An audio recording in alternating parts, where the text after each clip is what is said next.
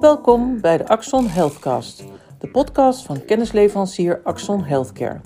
We bespreken de actuele onderwerpen en hot topics voor de Nederlandse gezondheidszorg. Vanaf de redactie van Axon hoort u Sten Gelissen en Geneviève Misteli van Axon Healthcare. Welkom bij deze podcast die gaat over de trend van concentratie in de zorg. Het begon allemaal in 2014 met de concentratie van kinderoncologie in het Prinses Maxima Centrum. Vervolgens besloot demissionair minister De Jonge eind december vorig jaar dat kinderhartchirurgie geconcentreerd moest worden in twee centra, de UMC's in Rotterdam en Utrecht. Dit veroorzaakte, en dat doet het nog steeds, veel verontwaardiging bij ouders van hartpatiëntjes en bij de UMC's in Groningen en Leiden, die daarmee hun kinderhartchirurgie dreigen kwijt te raken. Tja, en nu maakt Kuipers zich ook nog eens hard voor het meer concentreren van acute zorg, iets waar de Nederlandse Zorgautoriteit overigens ook voor pleit. Hoogcomplexe zorg concentreren in de UMC's, laagcomplexe zorg in de streekziekenhuizen houden of zelfs naar de eerste lijn verplaatsen. Kortom, concentratie in de zorg is een opvallende trend van de laatste jaren die veel stof doet opwaaien. Je kan je dan ook afvragen: concentratie in de zorg, is het een noodzakelijk kwaad? Oké, Sten, uh, Kuipers is een echte fan van concentratie in de zorg. Wat zijn de argumenten die hiervoor pleiten? Nou, het uh, concentreren van zorg in het algemeen is in principe ja, goedkoper. Je hebt uh, op minder plekken lever je zorg in plaats van dat je op meerdere plekken teams beschikbaar moet houden, locaties open moet houden. Dus dat is één ding wat, dat is een argument om te concentreren. Uh, wanneer het gaat om hoogcomplexe zorg. En dat is vaak uh, toch wel bij zeldzamere aandoeningen, hoogcomplexe zorg.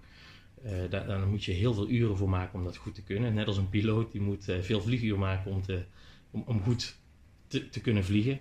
Om zijn skills te behouden, de capaciteiten te behouden. Um, en dat moeten die topspecialisten die hoogcomplexe zorg leveren ook. Alleen ja. er zijn vaak gewoon weinig patiënten. Uh, met specifieke aandoeningen. Precies. Ja. Dus als je dan die zorg concentreert, komt er eigenlijk meer, kunnen die artsen meer volume draaien en daarmee aan de zogenaamde volumenorm voldoen. Oké. Okay. Uh, en dat komt, de bedoeling is dat dat de kwaliteit van zorg natuurlijk ten goede komt. Juist. En als we nou naar de acute zorg kijken, wat baart mensen dan specifiek zorgen? Ja, als je. Er is dus ook uh, het idee, in ieder geval, nu een beetje ontstaan bij, die minister, bij minister Kuipers. Dat de acute zorg, dat we eigenlijk met minder locaties, uh, SEH-locaties -hmm. uh, kunnen. Spoedeisende hulp. Spoedeisende hulp locaties kunnen, waar acute zorg dus geleverd wordt. Het, het, argument van hè, dat minder locaties goedkoper is geconcentreerd, dat, dat blijft gewoon staan. Maar als je van meer naar minder locaties gaat, dat is gewoon, eh, eigenlijk als je gezonde verstand gebruikt, dan verdwijnt er ook zorg op plekken. Mm -hmm. Waardoor mensen zich die in, in, in, de buurt van die plekken wonen zorg maken dat die acute zorg of die spoedeisende hulp bij hun uit de buurt uh, verdwijnt. Nu zijn daar, een NZA heeft dat voor de spoedeisende hulp, voor de acute zorg. Uh, er zijn al, allerlei normen waaraan spoedeisende hulp moet voldoen. Binnen zoveel tijd moet een ambulance bij jou in de buurt 45 minuten is het nu nog, maar dit, dat schijnt verouderd te zijn. Ja, volgens mij is dat uh, voor de ambulance juist sneller nog. Maar dat, voordat je weer op spoedeisende hulp oh, ja. bent, moet dat 45 minuten zijn. -hmm. um, ja, kijk, als je je aan die normen houdt, ik weet ook niet wat de nieuwe normen zouden worden, of dat dus strakker wordt. Ik kan me voorstellen dat als het idee is om te gaan concentreren met minder locaties, dat die norm juist wordt verbreed. Dus mm -hmm. dat er langer tijd genomen mag worden totdat iemand uh, opgehaald is met de ambulance en in, in het bed ligt of op de operatietafel ja. ligt. Um, uh, maar ja, mensen maken zich zorgen dat dat te lang duurt, dat dat bij hun uit de buurt verdwijnt, die spoedeisende. Ja.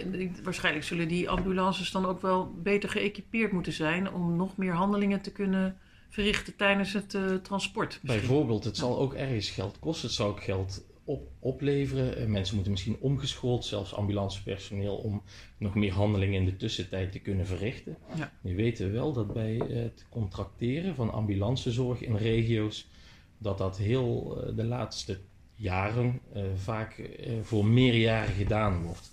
Dus ik, persoonlijk denk ik, maar dat is misschien suggestief, denk ik niet dat de ambulances, die staan niet los van de SEH, maar je kunt best ambulances in de regio hebben, maar de spoedeisende hulppost op één centraal punt in die regio hebben in plaats mhm. van op drie plekken.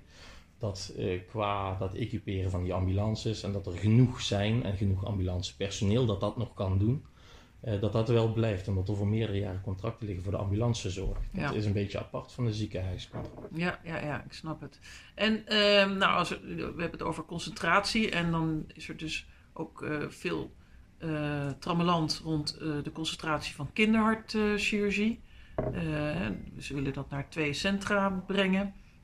wat is daar het argument voor? Ja, precies. Dat loopt eigenlijk een beetje voor op dat concentreren van de acute zorg. Dat is dan een langer spelend uh, spelende casus. En wat het argument daarvoor is, het, het gebeurt nu in vier centra. Groningen, uh, Leiden in samenwerking met Amsterdam, maar dat is één centrum. En Utrecht en Rotterdam. Nu is het idee om te gaan concentreren in Utrecht en Rotterdam. Twee ziekenhuizen in de Randstad. Vinden, vinden Groningen en Leiden niet, niet leuk? In Leiden zit één super, super specialist die, die, is volgens mij de enige in Nederland die zelfs in de baarmoeder bepaalde interventies bij nog ongeboren kinderen met een mm aangeboren hartafwijking kan doen. Ja, die wil al niet weg.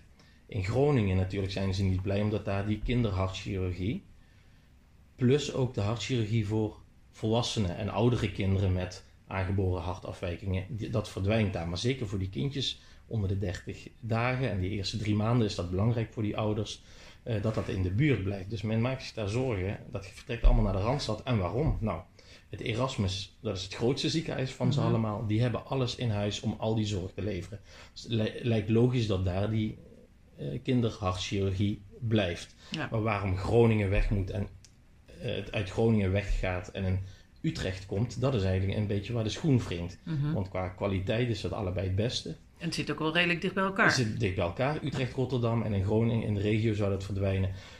Blijft dat het concentreren van die zorg in twee centra, of in minder centra dan vier centra, dat iedereen, ook de beroepsgroep, is het daar wel over eens. Het is mhm. goedkoper. En nu moet op vier locaties moeten 24-7 gespecialiseerde teams, want die chirurgen hebben ook heel gespecialiseerd verpleegkundigen om zich heen. Uh, die moeten 24 uur per dag moeten die, uh, open blijven.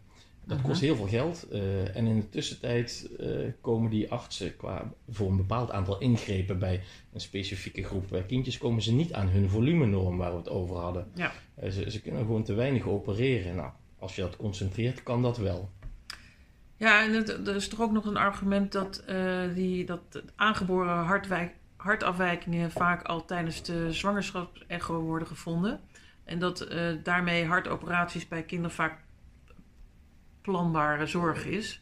En, het is, uh, dus dat, en dat het dan niet als erg wordt gezien dat je daar wat langer voor zou moeten reizen. En ook het Prinses Maxima Centrum in Utrecht, daar is ooit de kinderoncologie geconcentreerd. Mensen mm maken zich ook zorgen, nu verdwijnt dat uit mijn regio. Maar ouder, blijkt, ouders zijn best wel bereid, ja, dat, is ook, dat kun je zelf ook wel indenken, om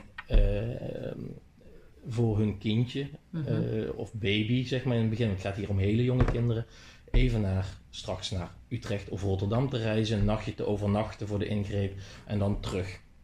Uh ook ook uh, ouders uit Groningen of Zeeland of Limburg zijn er zeker toe bereid. Dus dat zal niet het grootste probleem zijn. Het, het, het, is pas, net als bij de acute zorg, in acute situaties.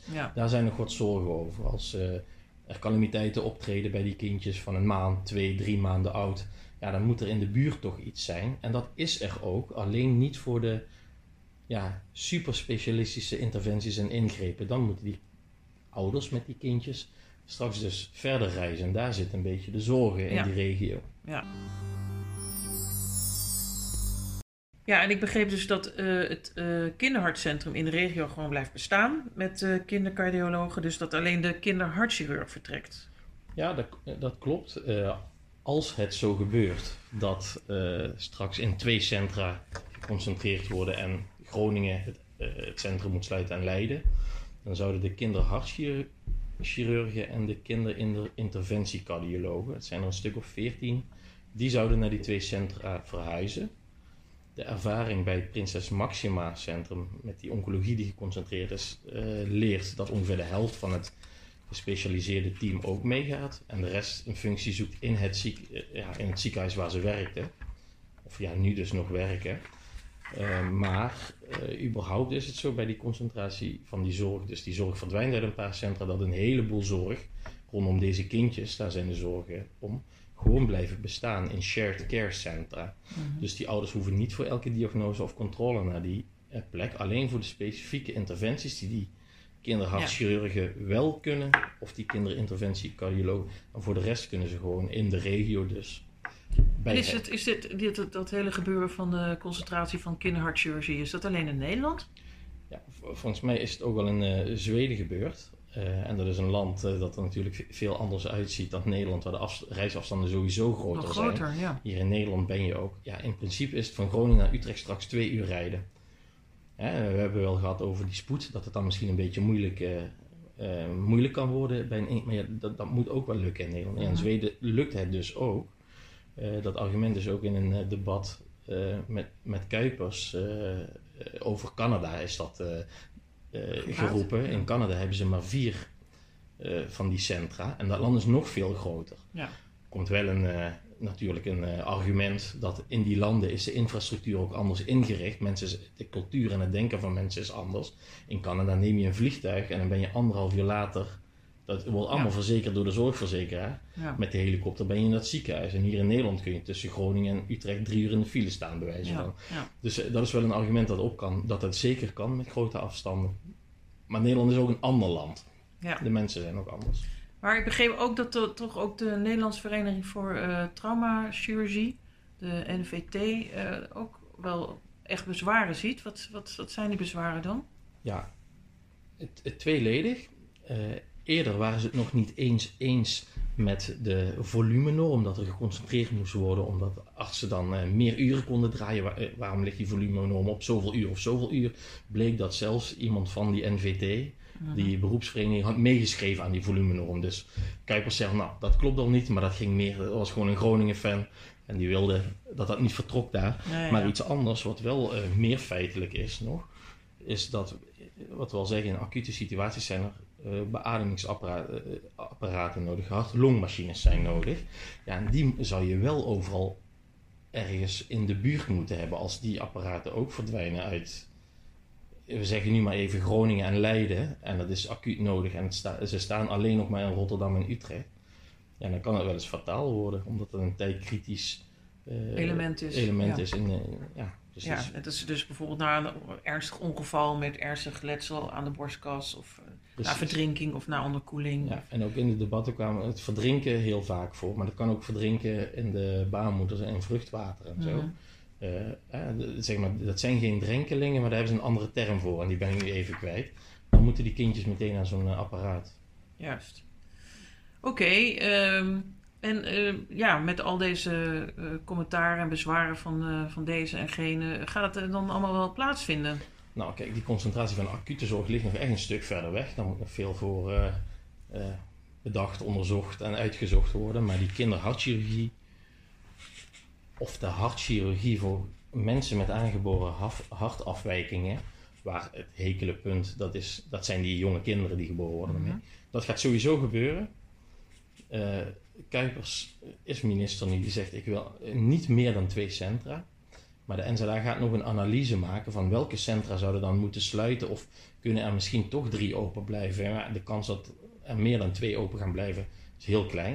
Maar het zou best nog eens kunnen dat achteraf toch Groningen open blijft en Utrecht dicht moet. Ja, ja. Dat zou best kunnen, want er was geen uh, verschil in kwaliteit of uh, uh, qua patiëntjes in de omgeving of hm. de uren die de artsen draaiden in die centra. Dus dat zou nog een mogelijkheid zijn. Maar zou, zou voor de publieke opinie waarschijnlijk meer voor de hand liggen, omdat de afstand wat groter is tussen die twee centra dan? Dat, dat lijkt er wel. Ja.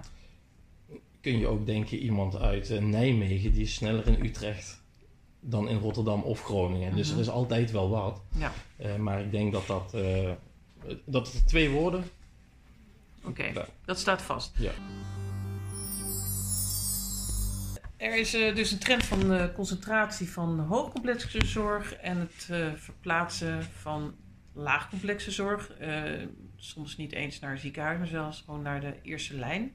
Ehm, wat zijn dan de consequenties voor streekziekenhuizen? Die lijken een beetje tussen wal en schip te vallen. Ja, dat klopt. Je ziet, kijk, in het geval van die kinderhartchirurgie, daar wordt zorg vanuit een paar UMC's geconcentreerd in minder UMC's. Dus uh, alle, daar leiden UMC's onder. Maar wat, je, wat eigenlijk de trend is die wordt ingezet, is dat bepaalde ingrepen bij zeldzame aandoeningen, ook in de algemene ziekenhuizen, in de regio, ja, we, we, noemen het de streekziekenhuizen of de regionale ziekenhuizen. Dat is een term die wel eens uh, mm-hmm. uh, ja, te pas en te onpas worden. Er is niet uh, eentje die altijd wordt gebruikt, één term.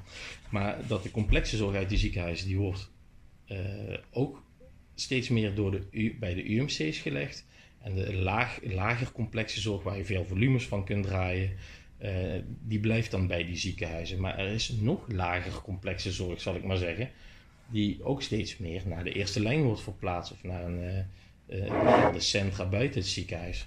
Dus die ziekenhuizen die worden aan twee kanten uit elkaar getrokken eigenlijk. Uitgekleed. Uitgekleed. Financieel gezien ook. Hè. Uh, zijn, om, als je productie draait, dat is omzet voor een ziekenhuis. Dan ja, hoe haal je je omzet dan binnen als al die zorg links en rechts uit jouw ziekenhuis verdwijnt?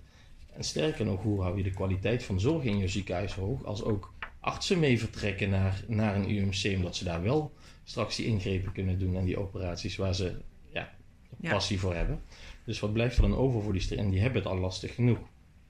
Ja, dat is ook uh, toch eentje die het vrij lastig heeft op de, dit moment. Dat uh, Bernhoven, dat was toch een modelziekenhuis? Dat was eigenlijk een, een modelziekenhuis uh, waarbij met min, het draaien van minder productie. Mhm. Ze zeiden ook wel eens, we doen zorg niet of doen veel aan diagnostiek, wat, uh, weinig opera minder operaties en ingrepen dan in andere ziekenhuizen. Maar financieel waren ze toch altijd gezond. Maar dat is nou typisch zo'n ziekenhuis dat zegt, nou die hoogcomplexe moet je bij het UMC doen, die gaat daarin en wij doen alleen waar wij goed in zijn. En ze hielden het financieel altijd, alleen die coronacrisis, dat deed ze de das om. Dat deed ze de das om. En dat is dan net zo'n ziekenhuis dat het eigenlijk ja, uh, precies goed zou doen in, in, in die, tussen die trends van het verplaatsen van zorg op de juiste plekken. En zij geven ook de juiste zorg op de juiste mhm. plek, op hun plek. En heeft die corona zo'n knauw gegeven. Dus, uh, ja, dus ik denk ook dan, dat, uh, dat had ik ook ergens begrepen, dat er dan toch misschien wel meer fusies tussen ziekenhuizen zouden moeten plaatsvinden. Maar daar zit dan ook weer haken en ogen aan, waar dan de, de culturen van ziekenhuizen. Heel vaak. Je, tal van voorbeelden in Nederland van, uh, van, uh, van, ziekenhuizen die willen dan fuseren, maar de culturen clashen. Of uh, opeens moeten chirurgen op een andere manier met elkaar gaan samenwerken. In het ene ziekenhuis hadden de specialisten bijvoorbeeld meer zeggenschap dan in die nieuwe mhm. fusie. Ja, dat, dat is niet altijd. Dat gaat niet altijd goed. Nee. Nou, wordt vervolgd. Wordt vervolgd, ja. Dit was het dan weer voor deze podcast. Hartelijk dank voor het luisteren en graag tot een volgende keer.